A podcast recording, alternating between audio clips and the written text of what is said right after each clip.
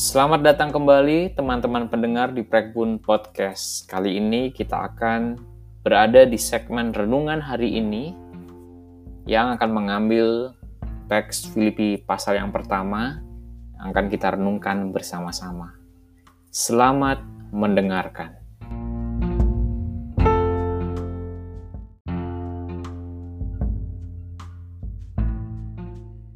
Apakah aku tetap bisa mengucap syukur? Teman-teman pendengar sekalian, tidak semua orang mudah mengucap syukur. Tidak semua orang bisa mengucap syukur. Tidak semua orang mampu mengucap syukur. Tidak semua orang mengerti caranya mengucap syukur. Harus kita akui bersama bahwa kita manusia lebih mudah untuk bersungut-sungut mengeluh, menyalahkan keadaan daripada mengucap syukur. Di tengah masa pandemi ini, di saat kita bersiap menjalani new normal, mungkin kita bertanya, apakah aku tetap bisa mengucap syukur? Sebelumnya, saya mengajak teman-teman pendengar Prekbun Podcast bisa membaca Filipi pasal pertama secara keseluruhan terlebih dahulu. Pause dulu recording ini, Lalu bacalah dengan perlahan-lahan Alkitab fisik teman-teman atau melalui gadget yang ada. Setelah teman-teman membaca, mari kita berdoa. Tuhan, berkatilah kami melalui penguraian surat Filipi supaya kami dapat belajar tentang sikap apa yang harus kami miliki di tengah situasi yang sulit ini yang membuat kami tidak mudah untuk mengucap syukur. Di dalam nama Tuhan Yesus kami berdoa. Amin. Teman-teman pendengar Prekbun Podcast, ada situasi menarik yang dihadapi Paulus pada saat ia menulis surat pada jemaat di Filipi, yaitu Paulus berada di penjara. Di penjara tentu saja bukanlah situasi yang menyenangkan dan enak, tetapi bila kita perhatikan, Paulus justru memulai bagian pasal yang pertama ini di dalam ayat yang ketiga dengan kalimat Aku mengucap syukur kepada Allahku. Wah, kira-kira alasan apa yang dimiliki oleh Rasul Paulus sehingga ia dia tetap bisa mengucap syukur.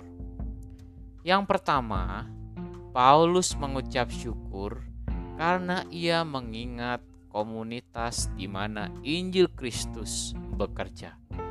Ayat yang ketiga berkata, Aku mengucap syukur kepada Allahku setiap kali aku mengingat kamu, mengingat jemaat di Filipi.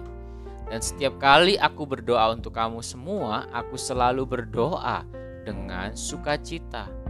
Aku mengucap syukur kepada Allahku karena persekutuanmu dalam berita Injil mulai dari hari pertama sampai sekarang ini.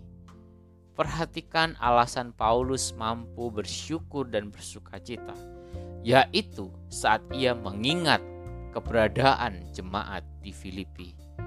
Tentu ini menjadi istimewa bukan sekadar karena alasan emosional, karena jemaat Filipi dekat secara relasi dengan Paulus atau karena alasan ekonomis di mana Paulus memang adalah diperhatikan oleh jemaat Filipi. Tetapi ini adalah karena alasan secara teologis di mana jemaat di Filipi adalah sebuah jemaat yang mengalami Injil Tuhan Yesus Kristus yang menghidupi Injil Tuhan Yesus Kristus yang pernah menerima dan bahkan menghidupi secara terus-menerus Injil Yesus Kristus. Paulus bersyukur karena ia mengingat sebuah komunitas, satu komunitas di mana Injil Kristus ada di dalamnya. Di masa-masa ini, mari kita bersyukur. Apakah ada alasan untuk tetap bersyukur? Ada. Bagi kita, murid-murid Kristus, kita memiliki tubuh Kristus yang bersama-sama menjalani masa-masa yang sulit ini Komunitas di mana Injil Kristus itu ada dan hadir. Itu bisa saja gereja lokal tempat kita beribadah, kelompok kecil tempat kita berkomunitas dan dimuridkan dan bertumbuh, lembaga pelayanan yang kita tahu melayani di berbagai tempat dengan berbagai macam platform.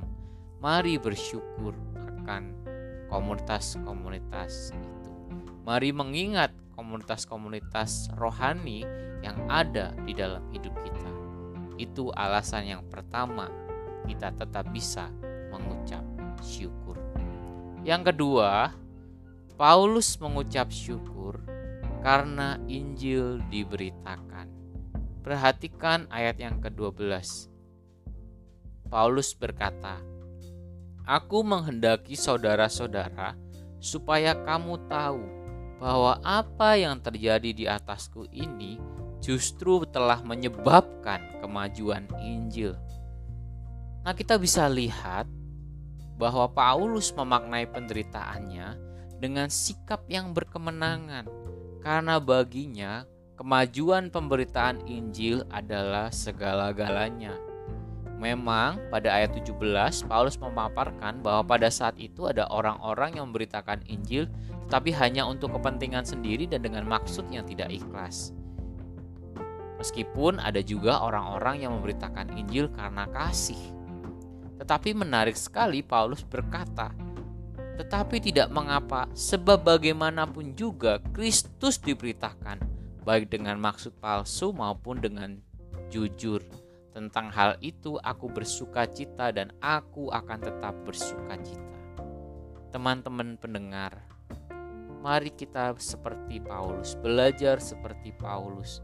Mari kita mengucap syukur, karena di masa pandemik ini Justru jembatan-jembatan yang baru di dalam pemberitaan Injil semakin terbuka. Ada pintu-pintu yang baru di dalam pemberitaan Injil, baik melalui platform digital, melalui kegiatan sosial action yang dilakukan oleh gereja, juga oleh orang-orang Kristen yang bekerja di bidang medis. Ini adalah waktu-waktu di mana Injil Tuhan diberitakan dengan gencar. Mari bersyukur karenanya. Mari kita juga berdoa di hari waktu-waktu kita, di hari-hari kita, kita berdoa bagi khususnya orang-orang Kristen yang bekerja di bidang medis. Biarlah mereka menyadari hal ini, menyadari sukacita dari Injil dan itu menghiburkan situasi yang sulit yang mereka hadapi. Dan biarlah pekerjaan mereka melayani dalam bidang medis adalah sebuah cara untuk memberitakan Injil Yesus Kristus. Yang pertama, kita belajar Paulus mengucap syukur karena mengingat komunitas di mana Injil Kristus bekerja. Yang kedua, Paulus mengucap syukur karena Injil diberitakan.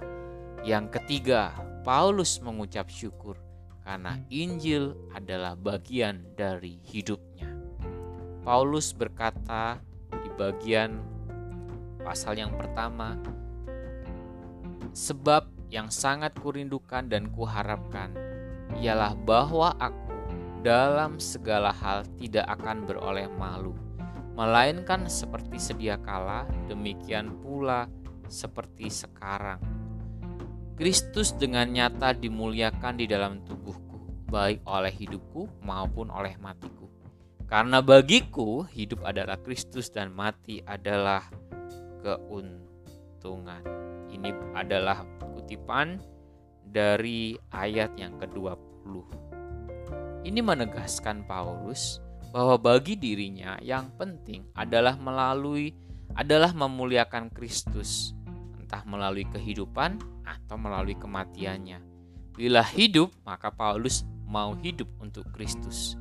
Bila mati, ia tetap bersyukur karena di dalam kematiannya ia berjumpa Kristus. Ini adalah perspektif atau pandangan seseorang yang memiliki Injil di dalam hati dan hidupnya. Seseorang yang menyadari ada janji yang kekal yang tersedia bagi dirinya. Injil yang ia miliki ini membuatnya hidup dengan keyakinan. Paulus tidak dikuasai oleh ketakutan, keputusasaan, dan lain sebagainya yang wajar dimiliki oleh mereka yang belum atau tidak memiliki Injil. Apa itu Injil? Injil adalah keselamatan di dalam Yesus sebagai Tuhan dan Juru Selamat kita.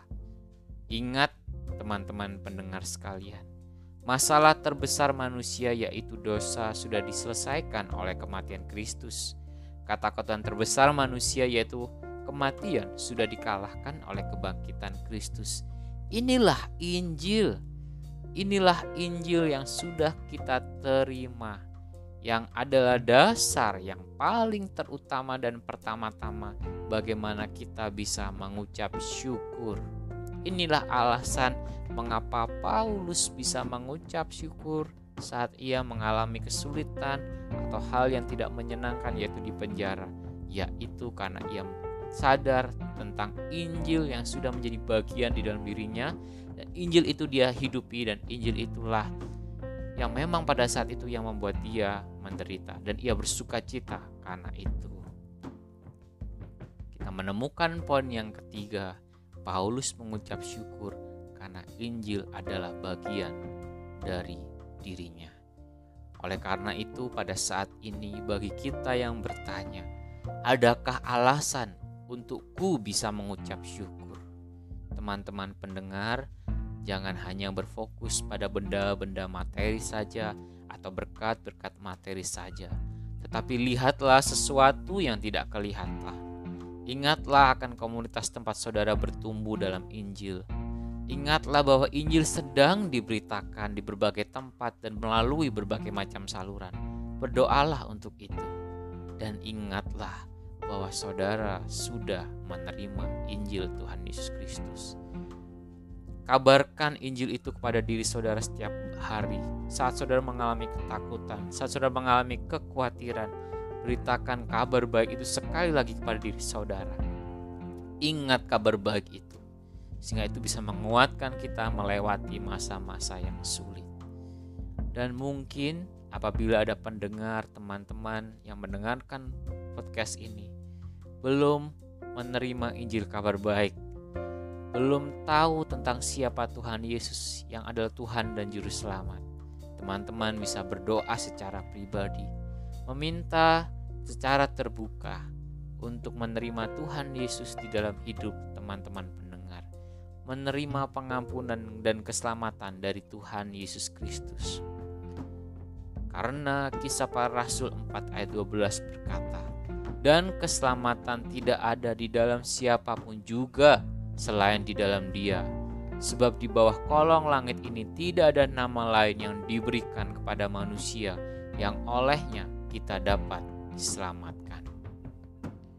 Hanya melalui Kristus Tuhan Yesus kita bisa menerima keselamatan. Terimalah keselamatan melalui Tuhan Yesus Kristus dengan menerima Dia sebagai Tuhan dan Juru Selamat secara pribadi. Apakah kita masih tetap bisa mengucap syukur, teman-teman pendengar? Ya, bisa. Dengan mengingat orang-orang di sekeliling kita, komunitas yang merupakan tempat di mana Injil bekerja. Yang kedua, kita bersyukur karena Injil sedang diberitakan. Yang ketiga, kita bersyukur karena Injil adalah bagian di dalam hidup kita. Amin.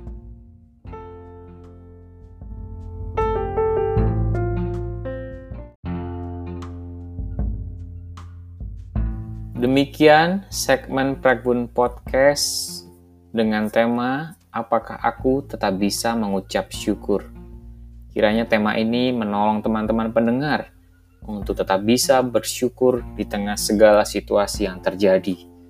Bagikan kepada teman-teman yang lain dan jangan lupa follow kami di Instagram dan Spotify channel Prekbun Podcast. Tuhan memberkati kita sekalian.